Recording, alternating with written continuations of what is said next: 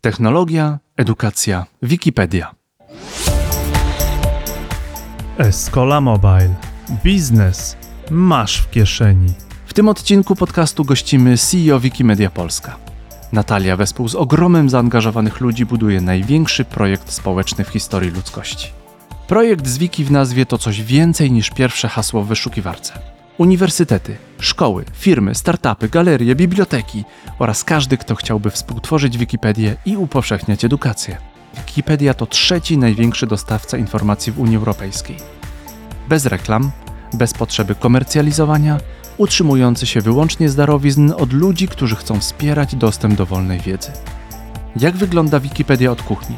Jak zarządzać informacją? Naprawiać wandalizmy w Wikipedii? I czy AI serwuje Ci nowe, ciekawe artykuły? Jeśli chcesz wzmocnić firmę z pomocą AI, zbudować aplikację mobilną lub webową, wejdź na naszą stronę escola.pl. W prawym górnym rogu kliknij wyceń projekt i daj nam znać, jak możemy Ci pomóc. Dzień dobry, dzień dobry. To jest Escola Mobile Live. Czerpiemy wiedzę i dzielimy się wiedzą cały czas. I dzisiaj mam bardzo specjalną gościnę, Natalię Ćwik, szefową Wikimedia Polska. Cześć Natalia. Cześć. Spotkaliśmy się na konferencji, patrzę, rozmawia szefowa Microsoftu z szefową Wikimedii. Kurczę, dużo kobiet w IT, e, dużo kobiet ostatnio w e, Escola Mobile. Opowiedz mi parę słów o swojej historii e, zawodowej. Tak, no szefową Wikimedia Polska zostałam w listopadzie ubiegłego roku. Mogłoby się wydawać, że niedawno, ale biorąc pod uwagę, jak fascynujący to jest świat, to mam wrażenie, że jestem już tu długo. Ogłoszenie o tą pracę było bardzo długie. Wymagało niesamowitej interdyscyplinarności. I wydaje mi się, że chodziło o osobę, która jest w stanie poruszać się między różnymi światami. I tak wyglądała moja ścieżka zawodowa do tej pory, że przeszłam i przez instytucje publiczne, i przez organizacje pozarządowe, i prowadziłam własny biznes, y, i pracowałam za granicą, zarówno i w kulturze, i w technologiach, y, i w doradztwie. Y, I mam wrażenie, że to różnorodne doświadczenie sprawiło, że mogłam aplikować o tę pracę i rzeczywiście, będąc tutaj, mogę powiedzieć, że to się bardzo przydaje, bo może się wydawać, że Wikipedia jest jakimś jednolitym tworem, tymczasem to są bardzo różne światy, które się ze sobą łączą, przenikają i też e, Wikimedia Polska jako organizacja współpracuje z naprawdę ogromnym gronem bardzo różnych interesariuszy, bo to są nie tylko wolontariusze, czyli ci, którzy edytują, to są też zewnętrzne organizacje, z którymi działamy. To, to jest Wikimedia Foundation, czyli amerykańska fundacja, która zarządza infrastrukturą Wikipedii. To są uniwersytety, szkoły, firmy, startupy. I o wszystkie te, o wszystkie te światy się otarłam e, i po prostu lubię być e, takim łącznikiem między nimi. No tak, to w końcu Wikime, Wikipedia to prawdopodobnie jest największy projekt w historii ludzkości, można powiedzieć, pod względem tego, ile osób nad nimi pracuje, pod względem e, tego, ilu jest kontrybutorów, czytelników. I e, zresztą powstała o tym książka napisana przez też wikipedystę Darka Jemielniaka, e, członka Rady Nadzorczej zresztą Escoli. który tam pisze, że coś słyszał. I chciałem cię zapytać, bo może nie wszyscy aż tak dużo słyszeli o, o, o Wikipedia, ale ty jesteś CEO Wikimedia. Jaka jest relacja między Wikipedią jako produktem, a Wikimedią, czyli w takim razie Wikimedia czym jeszcze się zajmuje? No, Wikipedia jest y, tym głównym tworem, tak jak powiedziałeś, to jest największy projekt y, społeczny w historii. To słowo społeczne ma y, tutaj ogromne znaczenie. I jakby Wikipedia była pierwsza, a potem zaczęła obrastać w różne e, inne projekty, które dzisiaj nazywamy projektami siostrzanymi. E, to są takie projekty jak Wikidane, Wikiźródła, Wikicytaty, Wikisłownik, czyli e, różne inne elementy oparte o oprogramowanie wiki, które uzupełniają to, co możemy znaleźć w Wikipedii. E, I Wikimedia to jest po prostu zbiorcza nazwa, taka parasolowa dla e, tych wszystkich e, działań. I stąd też taka nazwa fundacji i taka nazwa Stowarzyszenia Wikipedia, Wikimedia Polska, które jest partnerem fundacji w Polsce. Okej, okay, no bo faktycznie, no, mówisz wiki, źródła, wikidane, pamiętam, wikidane, to w ogóle śmiesznie po polsku brzmi, ale okej, okay. bo pamiętam, że jeszcze parę lat temu, jak dodawałem obrazek w Wikipedii, no to on tam był obrazek, nie wiem, Krzysztof Wojewodzic sobie wrzucałem, chociaż nie ma hasła Krzysztof Wojewodzic, ale, ale, ale wrzucam jakiś obrazek, jeśli chciało się napisać po angielsku, to można było go wrzucić ponownie. A teraz faktycznie jest jedno źródło, bo ten Krzysztof Wojewicy po polsku i po angielsku i japońsku wygląda to samo. Czy na przykład e, Zamek Królewski, czy Wawel. I to ogromnie ułatwiło pracę edytorom i też uspójniło w pewien sposób Wikipedię. Nie? E, więc te, może dla, dla osób, które nas słuchają, nie zdają sobie sprawy, jak duże ma znaczenie taka mała decyzja typu, że jest jedno źródło danych, odrębne od nie wiem, wersji językowych, dla pracy potem tych wikipedystów. Jakbyś mogła właśnie powiedzieć, ile osób mniej więcej, może masz takie dane, w tej chwili współtworzy i jaka jest, nie wiem, około, około liczba edytorów Wikipedii, bo to nadal jest społeczny projekt, nadal ludzie nad tym pracują. To jest w ogóle dla mnie bardzo ciekawe. Na, naprawdę robią to wolontarystycznie. E, ile to mniej więcej jest osób i na czym polega praca taka edytora, jak to się nie wiem, dzieli, jak to działa? Dobrze, może zacznijmy od tego, że to mhm. nie jest praca. E, mhm. Edytorzy okay. działają wolontarystycznie, robią to e, zazwyczaj w swoim czasie wolnym, z czystej pasji oddawania się temu zajęciu. Mają różne funkcje. E, czasami po prostu edytują, a czasami są redaktorami i na przykład mają uprawnienia do przeglądania edycji e, nowicjuszy, mogą być administratorami. E, ta społeczność jest wewnętrznie zorganizowana. Jeśli pytasz o liczby, to myślę, że są ogromne, dlatego że w samej, w samej Polsce od początku od początku tego roku powstało już ponad 12 tysięcy nowych kont. Natomiast jeśli spojrzymy na aktywnych edytorów, e, czyli Przyjmijmy, że takich, którzy edytują e, częściej niż 5 razy w miesiącu, to mamy w Polsce e, społeczność ponad 1500 osób. Oczywiście inne wersje językowe, w innych wersjach językowych te liczby są jeszcze większe, także rzeczywiście jest to absolutny ewenement, że ludzie na całym świecie za darmo, w swoim wolnym czasie, dostarczają innym ludziom wiedzy. W taki sposób, żeby ona była przystępna, żeby była jak najbardziej rzetelna, żeby były do tej wiedzy podane źródła. I dlatego właśnie e, mówimy o tym, że to jest największy projekt społeczny. Ponieważ e, większość tego, co się dzieje w Wikipedii, znakomita większość dzieje się oddolnie. Tak? Tutaj nie ma, nie ma jednego szefa, nie ma jednej organizacji, która mogłaby wpłynąć na to, co się na Wikipedii dzieje. Ta społeczność organizuje się sama, sama tworzy swoje reguły i można powiedzieć, że ten oddolny charakter jest tutaj kolejnym ewenementem. Centralizacja raczej Wikipedii i jej społeczności nie służy. Mhm. A powiedz, może y, masz tutaj jakieś intuicje? Oczywiście na ten temat powstały E, powstały badania, czy publikacje. Co właściwie motywuje tych ludzi? Wiesz, w czasach, kiedy no powiedzmy też szczerze, portale społecznościowe, Facebooki, Twittery, e, TikToki dają szybką gratyfikację, tak? Tam dostaję lajki, no choćby my tutaj streamujemy na, na LinkedInie w dużej mierze, ludzie nas słuchają, coś komentują. Tymczasem Wikipedia, no zedytowałem coś. Jest tam oczywiście jakiś mój często nazwisko, ale przecież nikt na to kompletnie nie zwraca uwagi, jeżeli korzysta z tej wiedzy. Co jest źródłem satysfakcji dla tych osób? Czy to jest jakieś poszukiwanie prawdy? No bo to nie jest, e, Wikipedia nie ma charakteru politycznego, E, wiesz, gdzie ludzie właśnie jak często w social media chcą komuś coś udowodnić, że nie wiem, Gdańsk był fajniejszym miastem niż Warszawa albo coś. Więc jakby, jakbyś miała ocenić i zreferować, co, co tak naprawdę tych y, edytorów motywuje do tej pracy? Wiesz co, to jest świetne pytanie. E, ja cały czas to badam. Cały czas mnie to fascynuje i um, nie ma chyba jednej uniwersalnej prawdy na ten temat. Te motywacje są bardzo różne. Patrząc z zewnątrz, z perspektywy użytkownika, można by pomyśleć, że najważniejsza motywacja to jest e, dostarczanie wiedzy innym. Tak? Satysfakcja wynikająca z tego, że e, pomogło się komuś dotrzeć do informacji. Ale e, poznałam wikipedystów, którzy gdyby nikt nie czytał ich wpisów, nadal chcieliby edytować. Myślę, że jest coś bardzo wciągającego w samej tej czynności e, systematyzowania informacji, układania informacji, nadawania im w miarę e, jakby maksymalnie neutralnego charakteru, dodawania takich kolejnych cegiełek, źródeł, zdjęć, bibliografii, e, które sprawiają, że to hasło staje się po prostu pełne, kompletne, widzisz, ta zewnętrzna gratyfikacja niekoniecznie zawsze jest tutaj najważniejsza. Zresztą widzimy to też po reakcjach wolontariuszy, dla których organizujemy konkursy edycyjne albo którym pomagamy takie zorganizować. E, I często nagrody w tych konkursach, e, takie materialne, rzeczowe, nie są najważniejszą rzeczą.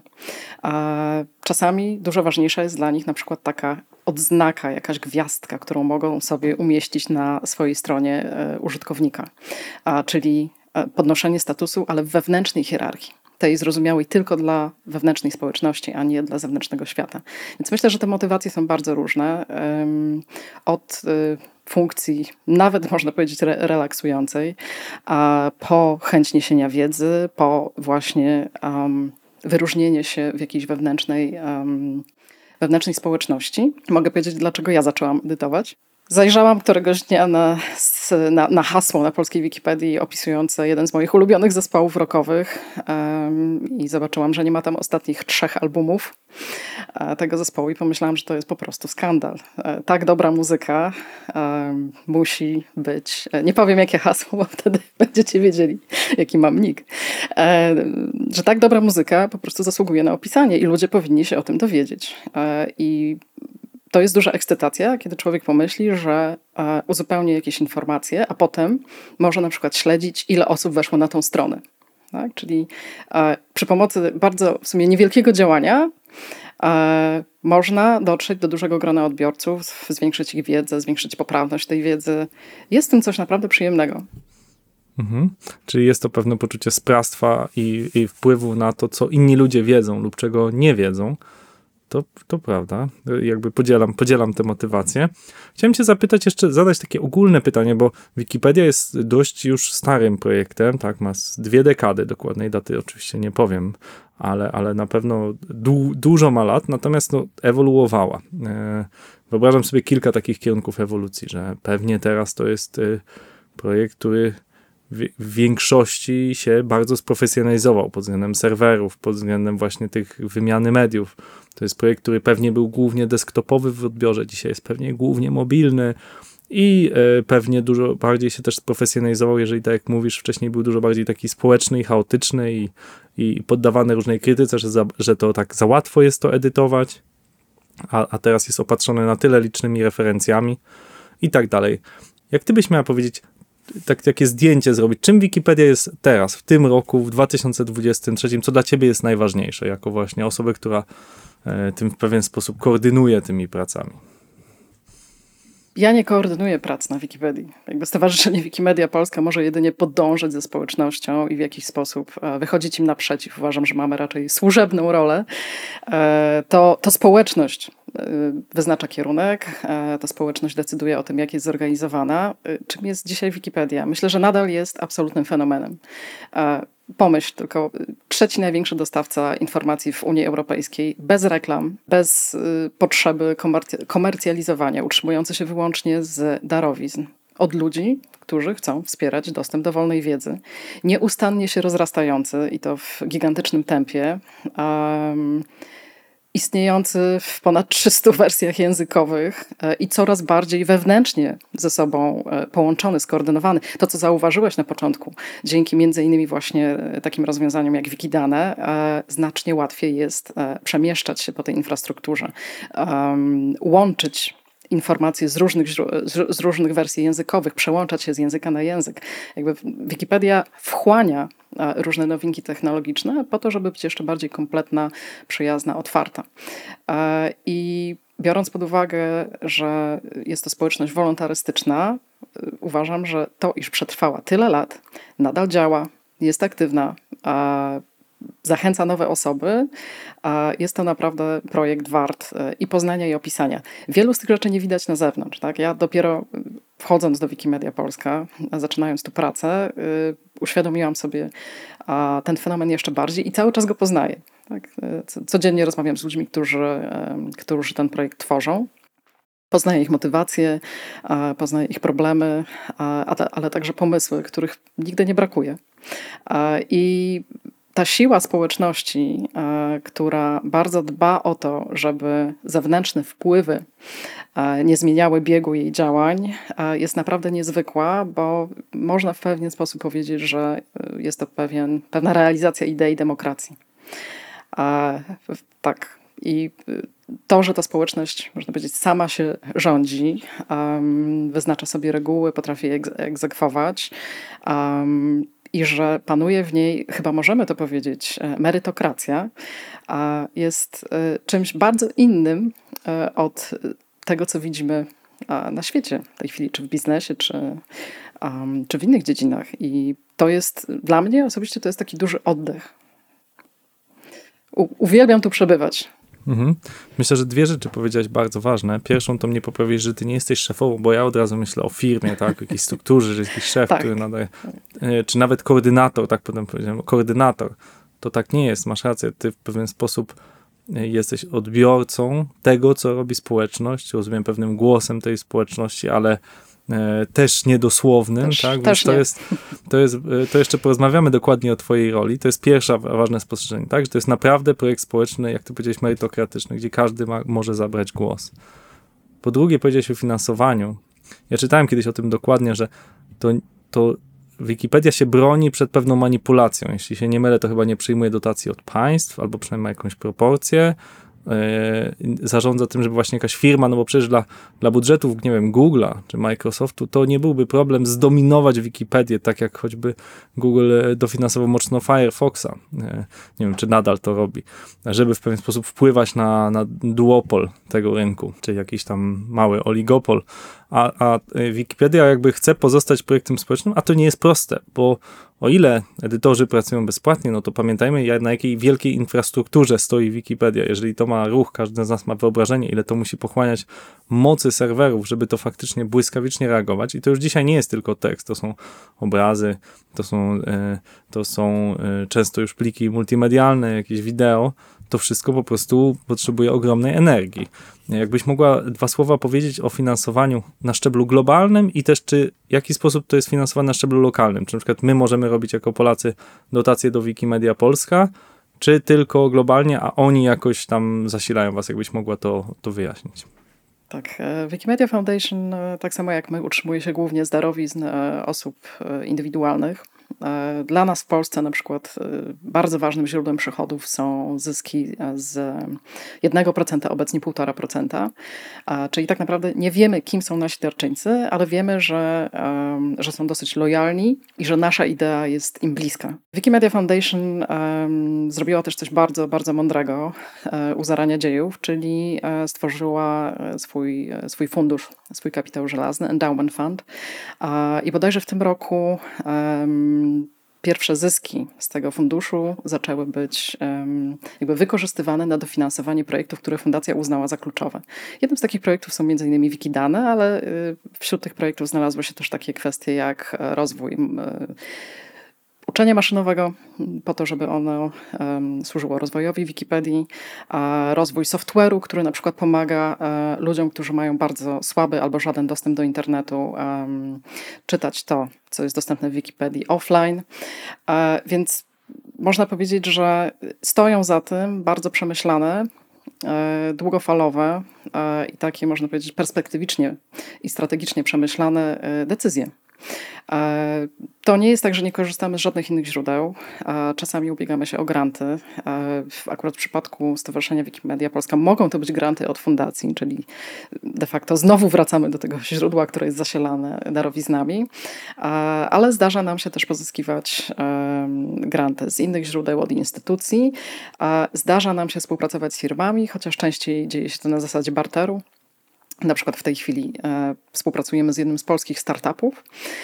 A nie mogę jeszcze zdradzić szczegółów, ale niedługo będzie o tym głośno i e, tworzymy razem z nimi platformę, e, która będzie służyła grywalizacji, po to, aby nowicjusze czy osoby, które w ogóle chcą głębiej zapoznać się z tematem edytowania, mieli też z tego jakąś przyjemność.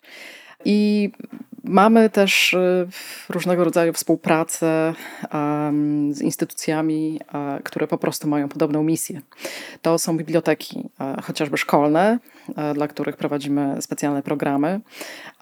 To jest Stowarzyszenie Bibliotekarzy Polskich, które co roku pomaga nam organizować y, szalenie ważną akcję. To jest akcja globalna, która ma swoje lokalne odsłony One Leap, One Ref, czyli jeden bibliotekarz, jeden przypis.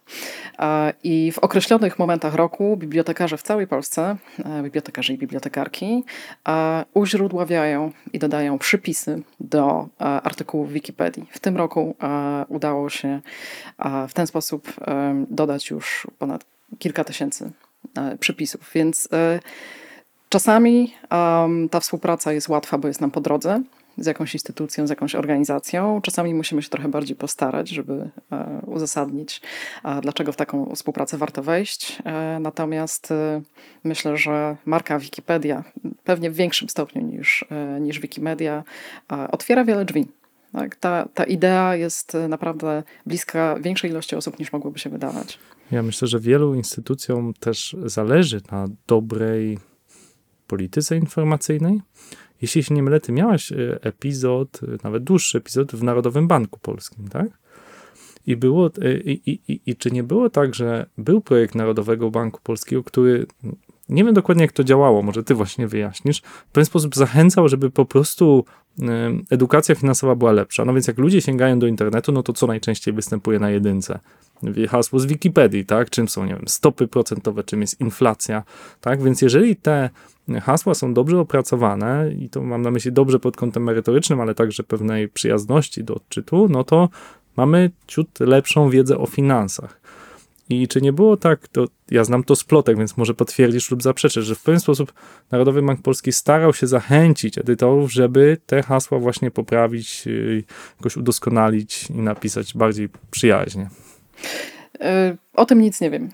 Y, powiem szczerze, ponieważ ja w Narodowym Banku Polskim zajmowałam się bardzo specyficzną działką, mianowicie pracowałam w Centrum Pieniądza NBP, y, które było interaktywną, nowoczesną placówką, taką edukacyjno-wystawienniczą, można, można powiedzieć w skrócie Muzeum Pieniądza i staraliśmy się tą edukację ekonomiczną prowadzić w ten sposób. I jakby to, że można y, uzupełniać zasoby Wikipedii y, w, tym, w, tej, w tej kwestii, to do mnie dotarło dopiero jak trafiłam do Wikimedia Polska. Natomiast możliwe, że ktoś inny w banku równolegle takie, takie starania wykonywał.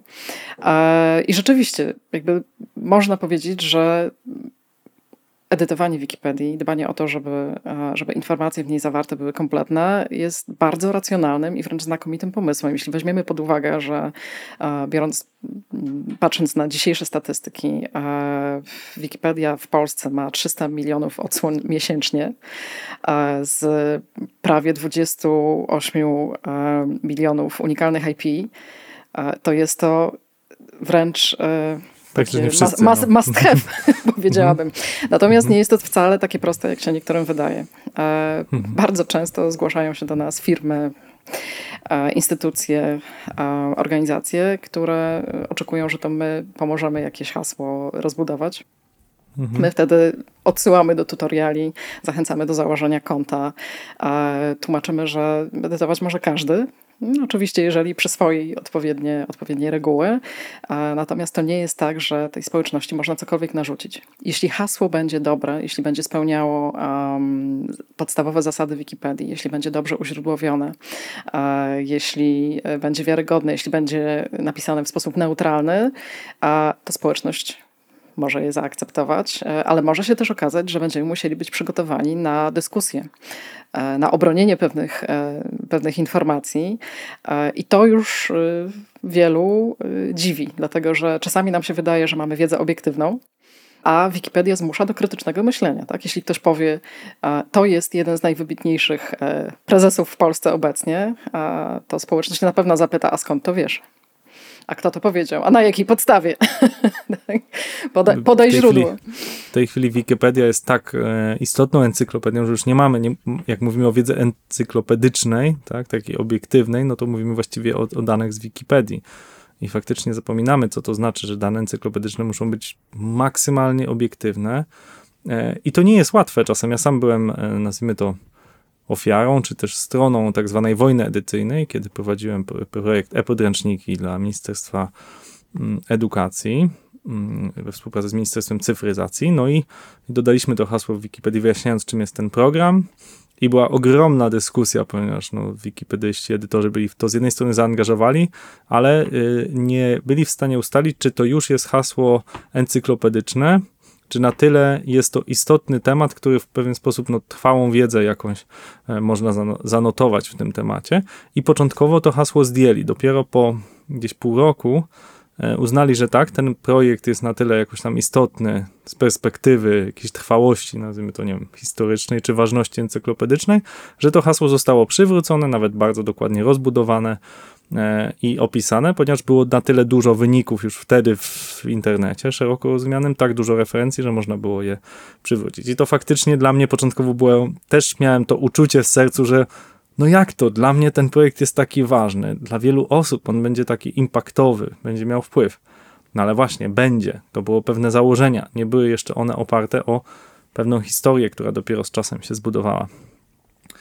E, I tu chciałem Cię o jedną rzecz jeszcze zapytać. Jak myślę o Wikipedii, to jedna rzecz jest dla mnie szczególnie ważna. Takim numerem jeden fajności Wikipedii jest to, że ona nadal jest jedna. To znaczy, jeżeli wejdziemy do YouTube'a, to niestety już wszystkie media społecznościowe i cały internet i, i googlowanie jest tak mocno spersonalizowane, i, pieści nasze gusta, że jeżeli ja lubię piwo, to będzie mi pokazywał piwo, jeżeli lubię piłkę nożną, będzie mi pokazywał więcej piłki nożnej i, i, i posty kolegów, którzy właśnie grali w piłkę. E, natomiast i, i, przez to niestety mamy, o tym jest też masa e, i dokumentów, i, i badań naukowych, niestety mamy podzielone społeczeństwo bardzo mocno. Myślę, że każdy z nas, jak się głęboko zastanowi, o, to te podziały y, społeczne odczuwa. I to dlatego, że każdy ma swój internet, każdy ma swój świat, nie tylko w mediach społecznościowych, ale nawet w Google. Natomiast Wikipedia nadal jest jedna y, dla wszystkich. I chciałem Cię zapytać, czy, czy była kiedyś dyskusja, może, albo słyszałaś coś, żeby to zmienić, a, albo nie? Nie słyszałam takiej dyskusji, to, co, co nie znaczy, że, że jej nie było, bo może kiedyś była. Natomiast y, tak, to rzeczywiście jest kolejny, kolejny ewenement. E, że Wikipedia nie ma takich algorytmów, które by personalizowały to, co się użytkownikowi pokazuje. Jeśli e, wejdziemy na stronę główną polskiej Wikipedii, to ona jest dla wszystkich taka sama i na tej stronie można znaleźć e, oczywiście pewne rekomendacje, takie jak na przykład artykuł na medal, dobry artykuł, czy też jest taka rubryka czy wiesz, gdzie są wybrane różne ciekawostki, ale te treści są dobierane dla nas przez, przez redaktorów którzy, którzy mogą e, proponować, e, a później głosować nad tym, co na tej stronie się znajdzie. Jedyny mechanizm, tak naprawdę, który może nas zachęcić do tego, żeby zagłębić się w jakieś dalsze, dalsze rejony Wikipedii, no to są linki linki wewnętrzne, które na przykład linkują hasła między sobą. A niedawno koleżanka, która pracuje w Fundacji Wikimedia, trafiła na wywiad z znanym polskim pisarzem, który powiedział, że potrafi spędzić całe godziny po prostu przechodząc od linku do linku. No i kto z nas tego nie robił? Kto z nas, kto z nas nie wpadł, e, tak, dokładnie, kto z nas nie Ale... wpadł w tą fascynującą pogoń za, e, za kolejnym wątkiem e, i Wikipedia jakby pomaga to robić coraz lepiej. E, właśnie mhm. dzięki e, coraz lepszemu wewnętrznemu takiemu zlinkowaniu, połączeniu różnych elementów, które się na niej pojawiają, a to w naturalny sposób e, buduje ciekawość. I wydaje mi się, że to jest też element Wikipedii, który warto w kontekście edukacji podkreślać.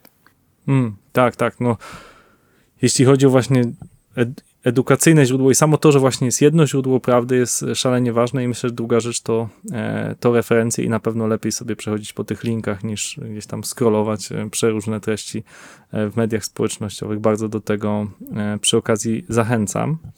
I chciałem cię zapytać właśnie o, jak już mówimy o scrollowaniu, to od razu nasuwa mi się skojarzenie z telefonem. My w Escoli zajmujemy się głównie aplikacjami mobilnymi. Widzimy, jak e-commerce przeszedł do internetu, jak właściwie całe doświadczenia banking przeszedł do internetu, już są rzędy typu 90% bankowości są mobilne. Jak to jest w Wikipedii? Czy masz jakieś dane, czy, czy faktycznie Wikipedia też właściwie jest y, mobile first, jak to się mówi?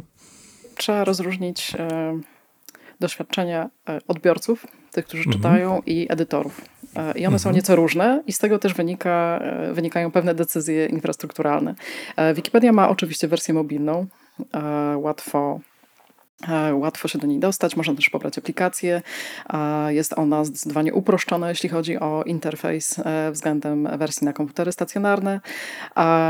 I wydaje mi się, że większość użytkowników, tak, osób, które korzystają z Wikipedii, żeby dostać jakieś informacje, raczej korzysta z niej na urządzeniach mobilnych. Natomiast jeśli przyjrzymy się zwyczajom edytorów, to jednak chętniej korzystają z komputerów stacjonarnych. I to pogodzenie tych dwóch perspektyw z punktu widzenia na przykład UX designera jest szalenym, szalonym wyzwaniem. Jak stworzyć interfejs, który z jednej strony będzie dawał narzędzia tym, którzy chcą rozwijać Wikipedię, a jednocześnie zapewnić wygodę korzystania z niej tym, którzy tylko czytają. I czytałam jakiś czas temu post człowieka, który właśnie pracował nad aktualizacją, ostatnią aktualizacją designu Wikipedii na komputery stacjonarne i opowiadał o tym, jak się z tym wyzwaniem zmagał e, i pokazał dwa zdjęcia, które są metaforą tych różnych perspektyw. Tak? Na pierwszym zdjęciu jest e, coś, co można by e, wziąć za pracownię malarską, w której są sztalugi, pędzle, panuje taki twórczy chaos, ale jednocześnie widać, że jak tam wejdziesz, to masz wszystkie narzędzia pod ręką, możesz zacząć od razu tworzyć. A drugie zdjęcie pokazuje piękny pokój, ładnie umeblowany, um, przestronny, tak? nie, nie za bardzo zagracony. E, I to jest właśnie ta perspektywa e, edytującego i perspektywa użytkownika. Więc e, wydaje mi się, że wersja mobilna bardziej odpowiada na tą drugą, a, wersja na komputery na tą pierwszą. I oczywiście mm, to jest tak, że mm, nieustannie mm, myśli się o tym, jak, jakie funkcjonalności jeszcze dodawać, jak to zmieniać, jak sprawić na przykład, żeby to doświadczenie było też przyjaźniejsze dla nowicjuszy. Kilka lat temu wprowadzono um, różnego rodzaju udogodnienia dla osób, które zaczynają na przykład edytować. E, ja się uczę między innymi e, dzięki tym wprowadzonym e, zmianom, tak, jako, jako nowicjusz mam od razu proponowane pierwsze edycje, które mogę wykonać, żeby się wprawiać w tej czynności. Ale oprócz tego, na przykład, od razu przypisany jest do mnie taki mój mentor, opiekun, doświadczony redaktor, e, który może odpowiadać na moje pytania, rozwiać jakieś moje wątpliwości. Więc e, tutaj, jak widzisz, jest kilka różnych perspektyw e, i wydaje mi się, że z punktu widzenia UX-owców, jeśli mogę tak powiedzieć, to jest, to jest fascynujący podróż, taki można powiedzieć wręcz nieustanny taniec, szukanie, szukanie kompromisu między tymi wyzwaniami. Mhm. Chciałem Cię jeszcze zapytać o kwestię dostępności, te, temat, który właśnie jest był też na antenie Escola Mobile poruszany. Bardzo trudne technologicznie wyzwanie, aczkolwiek e, któremu udaje się nam coraz lepiej sprostać jako osobom, które tworzą te rozwiązania techniczne. Wydaje się, że Wikipedia akurat to jest, e, ze względu na to, jak te dane są strukturyzowane, może być na to nieźle przygotowana. I czy wy e, robicie w Polsce, nie wiem, jakieś audyty właśnie dostępności, albo są jakieś takie prace, współprace z różnymi fundacjami, które zajmują się dostępnością, mam na myśli z osobami niepełnosprawnymi, niesłyszącymi, niewidzącymi, żeby właśnie mogły też mieć dostęp do tego wspaniałego projektu. Tak, jest to, jest to temat, który jest żywy. Zresztą, kiedy myślimy o tym haśle przewodnim, tak? wyobraź sobie świat, w którym każdy ma dostęp do sumy ludzkiej wiedzy, to to słowo każdy jest bardzo, bardzo zobowiązujące. wiem, że także w moim zespole są osoby, które, które żywo interesują się tym tematem i na przykład e, działają na rzecz dodawania napisów e, alternatywnych Czyli w pewnym sensie można powiedzieć, że audiodeskrypcja również, e, również wkracza do Wikipedii, ale mamy też członków społeczności, którzy na przykład aktywnie tworzą podcasty um, albo dźwięki, które mogą ilustrować różne hasła. Notabene ta, to bogactwo sensoryczne, można powiedzieć, jest odzwierciedlone również w takiej strategii marketingowej Wikimedia Foundation, która niedawno zaprezentowała swoje dźwiękowe logo Zachęcam do odsłuchania. Sam, sam proces wybierania tego logo był bardzo ciekawy. Pojawiło się wiele różnych propozycji. E, no i tak, ta, która wygrała, e, przynajmniej dla mnie brzmi e, w pewnej części jak odgłos wertowanych książek. O, okej, okej, tak. okej. Mhm. Więc, więc Wydaje mi się, że, że ludzie w środowisku Wikimediów świadomi są tego, że nie możemy docierać tylko i wyłącznie um, do tych, którzy sprawnie czytają i pojawia się wiele, wiele prób, żeby ta dostępność była rzeczywiście bardzo wszechstronna. Mhm. Chciałem Cię jeszcze zapytać, wspomniałeś, że macie teraz dostawcę technologii, z którym zaczynacie projekt. Jak działa właśnie współpraca Polskiej Fundacji Wikimedia z jakimiś dostawcami technologicznymi? Dajmy na to, że nie wiem, Escola wymyśli jakieś fajne rozwiązanie, które w moim przekonaniu właśnie może zwiększyć tą dostępność albo jakąś tam e, nowinkę, która może Wam się przydać. E, jak to działa? Nie wiem, czy można się do Was po prostu zgłosić, czy, czy, czy jak, jak działa proces w tym momencie współpracy z taką firmą, która chciałaby coś dostarczyć fajnego dla Was? Myślę, że nie wiem do końca, jak to działa w Fundacji Wikimedia. Jeszcze raz podkreślę, że Stowarzyszenie Wikimedia Polska jest tylko partnerem fundacji w Polsce. To nie jest tak, że to jest firma matka, a my jesteśmy spółką córką. To tak, e, to tak nie działa. E, jeśli chodzi o nas, to my tworzymy to rozwiązanie na zasadzie barteru czyli pracownicy tej firmy czegoś się uczą od nas, my czegoś uczymy się od nich. E, I inicjatywa wyszła jakby z naszej strony. Tak? To nie jest tak, że e, firma technologiczna e, może swoje rozwiązania na Wikipedię wdrożyć bez konsultacji. I również my, tworząc te rozwiązania, konsultujemy je z wolontariuszami. Będziemy je testować. Oczywiście to nie będzie rozwiązanie, które będzie, można powiedzieć, globalnie wprowadzone na Wikipedię, ale myślę, że to będzie taki dodatek, e, który pomoże nam od strony edukacyjnej e, pomóc ludziom odnajdywać się w tym świecie. Są natomiast, e, wiem, że istnieją współprace też na poziomie globalnym, szczególnie tutaj myślę, że Google ma swoje zasługi w tym względzie.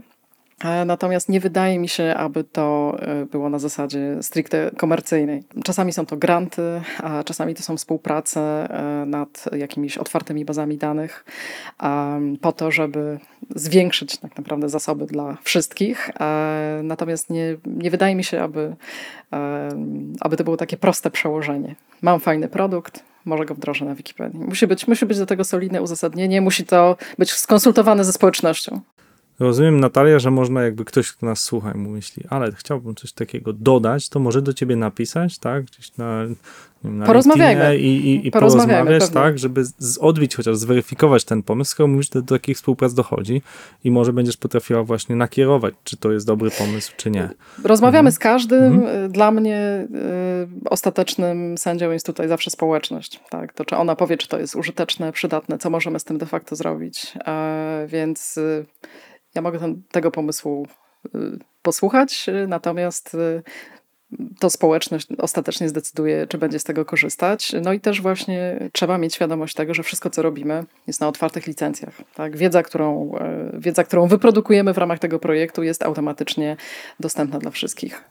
I wiedza, i technologia chyba, tak? Jest na jakiejś tam licencji też otwartej, a to też jest ważne, często dla firm technologicznych. I o tym chciałem trochę porozmawiać teraz o, o tej kwestii związanej z AI, mm, bo właściwie powszechnie wiadomo, że większość modeli, którymi teraz fascynuje się świat, y, od y, Jamy przez czata GPT y, i inne, w dużej mierze trenowały się właśnie na ogromnym zasobie danych, jakie daje Wikipedia, tak? I tam mamy nie tylko korzyść tego, że mamy większość e, wiedzy na świecie opisanej w postaci milionów haseł, ale także przy trenowaniu modeli językowych, takich jakim jest e, GPT, no to mamy porównywalność między tak, polskim, angielskim, niemieckim. Możemy bardzo ładnie te modele budować, bo to, to, to one są takie jakby wielowymiarowe i to jest niezbędne, żeby mieć wiele wersji językowych.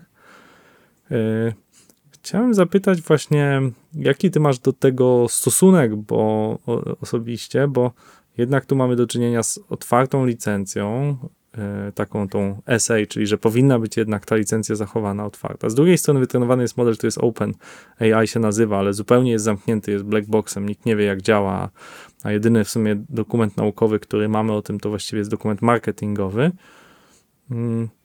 Mm, jakby jak, jak, jaki, nie wiem, czy się zastanawiałaś nad tym osobiście, a może mieliście jakąś dyskusję, jak się do tego ustosunkować, bo w ten sposób możemy, że tak powiem, zapakować Wikipedię w bardzo ładny interfejs. Czy to jest dla was jakiś problem, czy nie?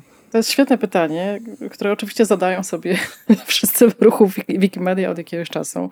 E, I to jest bardzo ciekawy moment, uważam, w historii Wikimediów, e, kiedy rzeczywiście AI stawia nam wyzwania e, i z jednej strony stwarza szanse, a z drugiej strony pojawiają się znaki zapytania.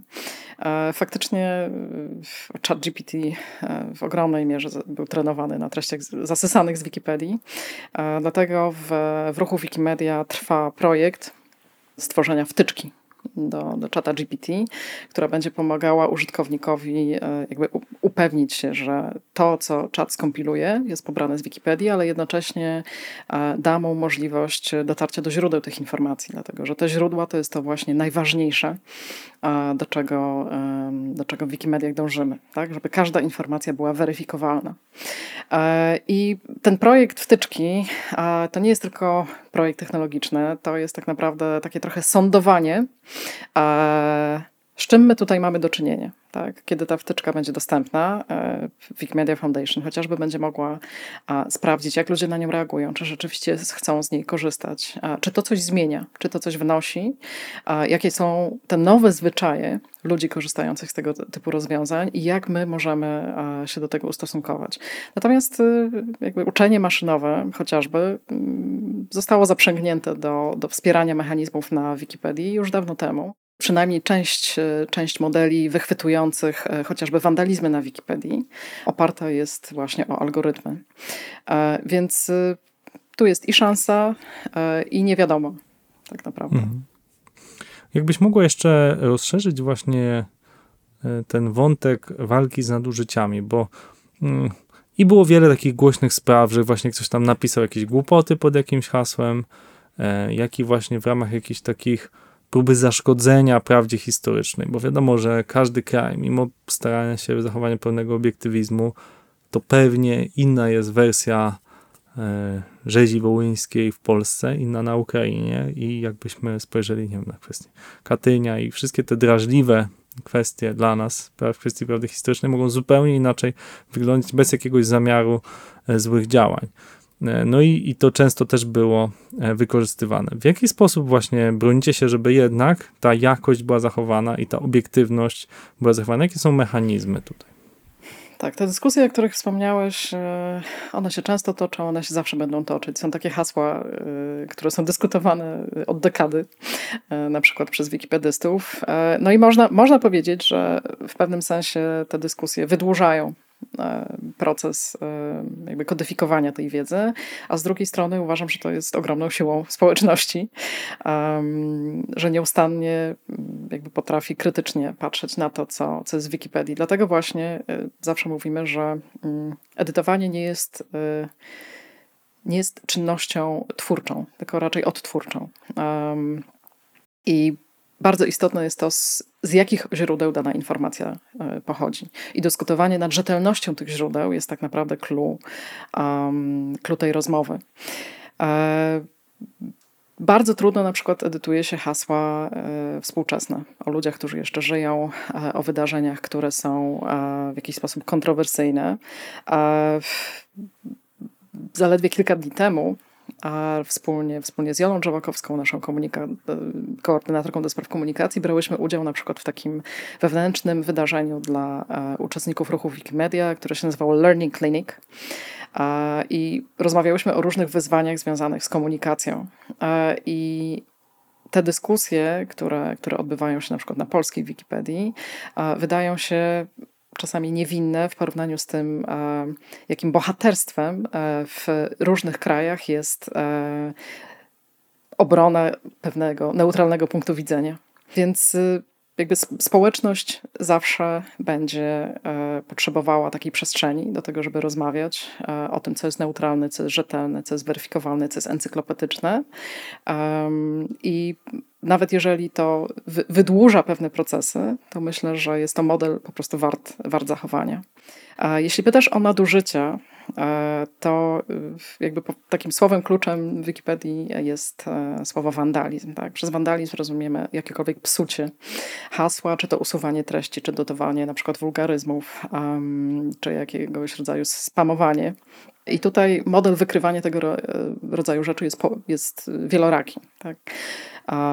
Z jednej strony mamy boty, które zostały zaprogramowane tak, żeby na przykład wychwytywać jakieś e, duże zmiany. Tak? Ktoś na przykład dodał bardzo dużo tekstu albo odjął bardzo dużo tekstu, więc redaktor może e, chcieć e, takie hasło zweryfikować, żeby wiedzieć, co tam się zadziało.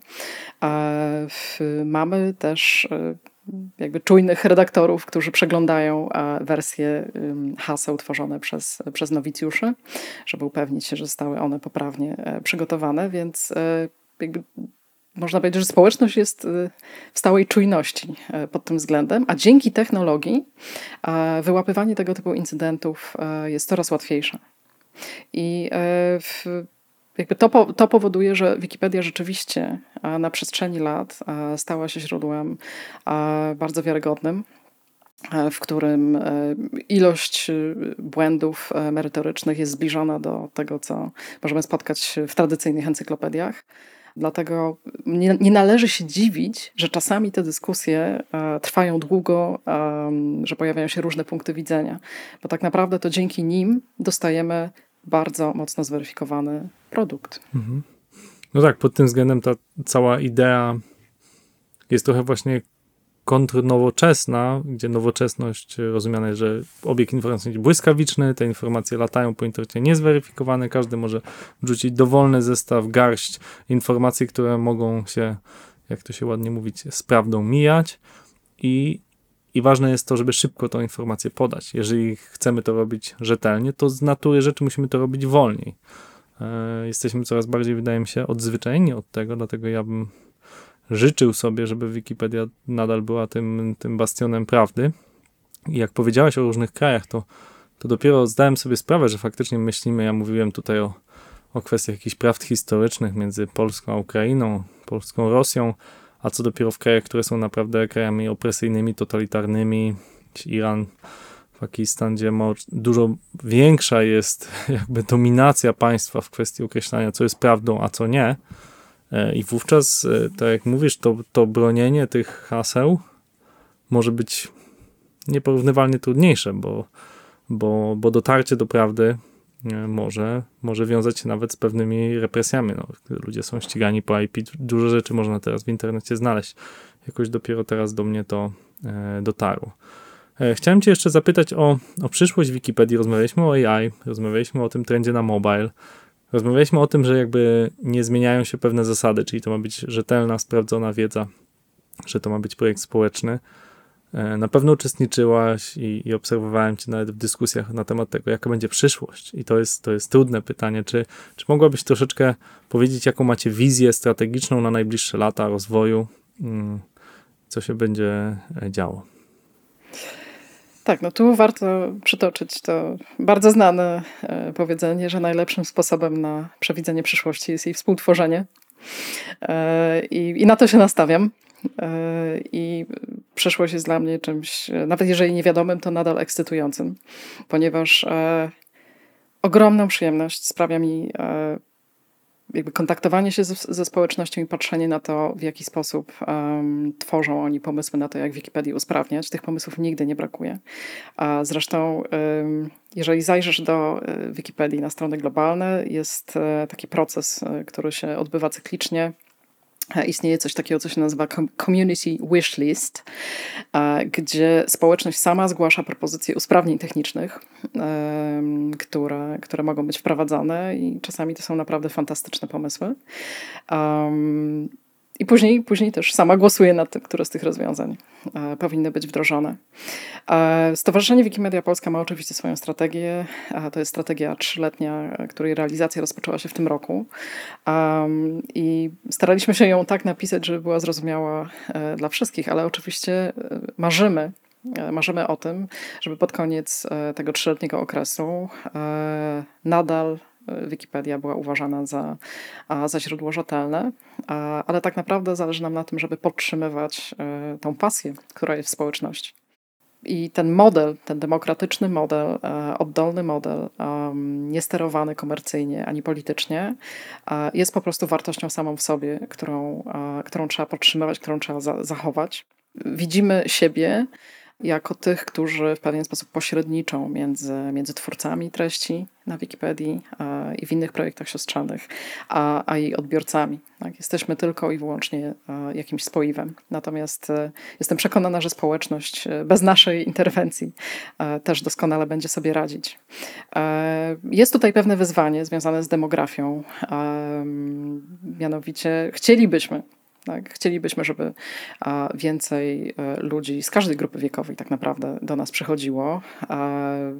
W naszej polskiej społeczności jest stosunkowo niewiele ludzi bardzo młodych, natomiast no, ci, którzy są, są naprawdę wybitnie, wybitnie utalentowani i zaangażowani. I prowadzimy różne debaty, różne dyskusje. Tak? Zastanawiamy się wspólnie z, z organizacjami, z którymi pracujemy, z różnymi interesariuszami, co zrobić, aby tak się zadziało. Co zrobić, żeby ludziom dalej chciało chciało się edyt- Wikipedię edytować, dlatego że ym, to chyba od ciebie wyszło. A, to hasło wydaje mi się, że im więcej wiedzy, a, tym, a, tym tak naprawdę ona jest lepsza. I to jest, to jest ten ogień, który, który, który chcielibyśmy podtrzymać. Czyli moi drodzy, dalej mimo wspaniałych dokonań sztucznej inteligencji potrzebujemy ludzi, którzy tą wiedzę opisują, e, poprawiają, edytują, którzy będą dodawać, e, tak jak mówisz, różne warstwy do Wikipedii, nie tylko tekstową, ale też i dźwiękową. Dźwięki ptaków nadal trzeba nagrać gdzieś i wstawić na tą Wikipedię, żeby, żebyśmy mogli sobie wszyscy posłuchać, e, jak nam, e, jak ćwierka dany gatunek ptaka, jeśli się fascynujemy ornitologią. E, więc słuchajcie, e, jeżeli nas słuchajcie, edytujcie, zgłaszajcie swoje uwagi, zgłaszajcie swoje nowinki technologiczne, piszcie do Natalii Ćwik na, e, na LinkedInie i, i zgłaszajcie swoje pomysły i zaangażujmy się w to. Ja bardzo wierzę w to, bo to jest taki dowód na to, że um, można robić rzeczy naprawdę porządnie, małymi, małymi kroczkami przez wiele, wiele lat je usprawniając, aż mamy faktycznie ten, ten wielki taki projekt nazywany Wikimedią. Dzięki Natalia za to, że byłaś gościnią Escola Dzięki. Mobile. Bardzo dziękuję, bardzo fajna rozmowa. Escola Mobile. Biznes masz w kieszeni. Dziękujemy za Twój czas i za to, że spędziłeś go z nami.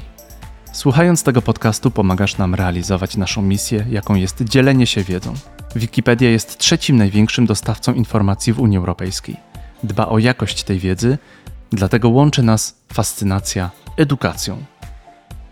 Jeśli ten podcast dał Ci coś nowego, zainspirował Cię do działania, do zmiany, do rozwoju, udostępnij go na LinkedInie, Twitterze, Facebooku, no i opowiedz o nim swoim znajomym. Być może ktoś w Twoim otoczeniu może skorzystać na wiedzy z tej rozmowy. To był 155 odcinek podcastu Escola Mobile. Gościliśmy Natalię Ćwik, CEO Wikimedia Polska – Rozmawialiśmy o największym projekcie społecznym w historii ludzkości. Do usłyszenia.